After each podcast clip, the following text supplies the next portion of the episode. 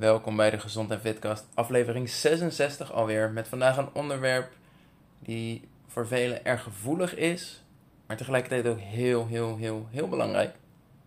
Dus laten we er gelijk in duiken. Ik hoor dit, ik denk dat dit de meest voorkomende reden is van moeders die mijn coaching instappen, waarom zij willen afvallen. En niet alleen willen afvallen, maar dus ook aan hun leefstijl willen werken, gezonder willen eten, maar vooral ook een gezondere relatie met voeding willen hebben. En dat is het goede voorbeeld wat ze mee willen geven aan hun kinderen. En dan hoor je altijd, hoor ik altijd, ik probeer het altijd voor hen wel te verbergen en met hun probeer ik wel een beetje mee te doen, maar ik ben toch bang dat ze het gaan oppikken. Maar van hun verwacht ik wel dat ze het goede gedrag kiezen. Dus zelf s'avonds stiekem een halve zak chips eten en bij de kinderen zeg je nee nee, Eerst een stuk fruit en daarna, als je dan nog trek hebt, dan mag je wat lekkers. Zo'n aanpak klinkt heel mooi als een mooie tijdelijke oplossing. Van zolang ik mijn eigen probleem nog niet heb opgelost, voorkom ik tenminste dat zij ook een probleem krijgen.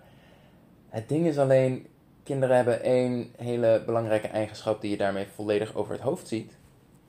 En dat is het feit dat ze niet zo heel veel geven om wat je zegt, maar vooral heel erg kijken naar wat je doet. Dus je kan wel zeggen dat het belangrijk is om eerst fruit te eten en daarna pas te snoepen. Maar als ze jou iets anders zien doen, dan is dat hetgene wat ze overnemen. En niet hetgene wat jij nu van ze verplicht. Nu luisteren ze naar jou, maar er komt een punt dat jij de regels niet meer bepaalt. Dat ze zelf keuzes gaan maken.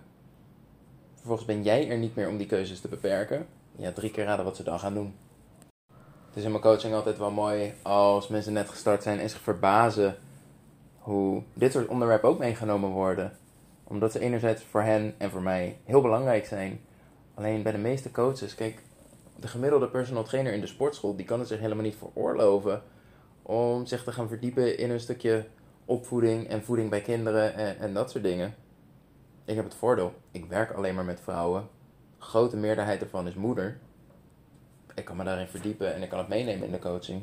En dat is niet alleen goed voor de kinderen die daar een voordeel aan hebben, maar vooral ook voor het besef bij, nou ja, in dit geval jou of degene in mijn coaching, ehm, waarom, waarom het nodig is om het anders te doen dan je de afgelopen jaren hebt gedaan.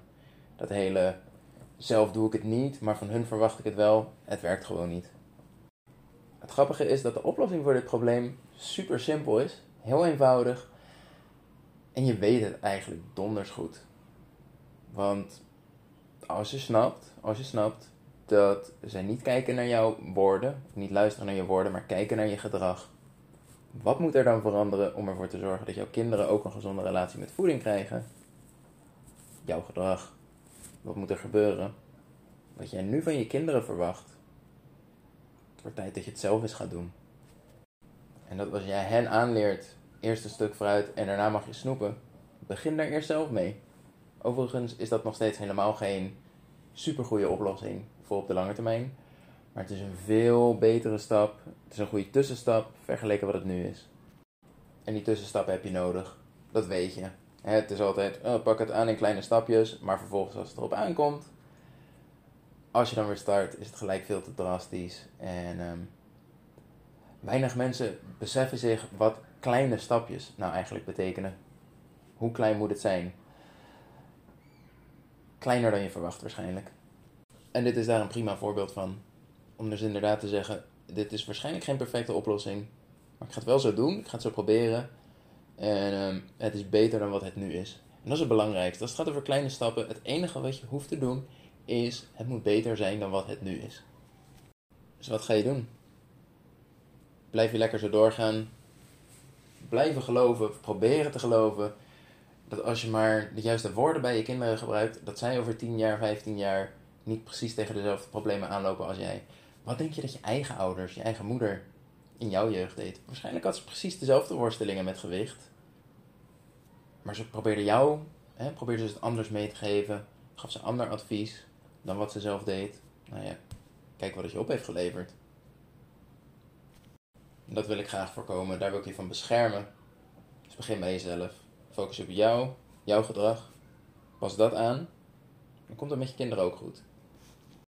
Hoe je dat het best aanpakt. Ik kom binnenkort met een nieuw programma. Voor de eerste 100 aanmeldingen wordt het gratis. Daarna worden waarschijnlijk 10 euro, ehm, wat naar het goede doel gaat overigens. Maar ehm, de eerste 100 zijn gratis. Zorg dat je me op Instagram volgt. At Jori-fitcoach. J-O-E-R-I. Dan eh, zie ik je binnenkort daar. Hoi hoi.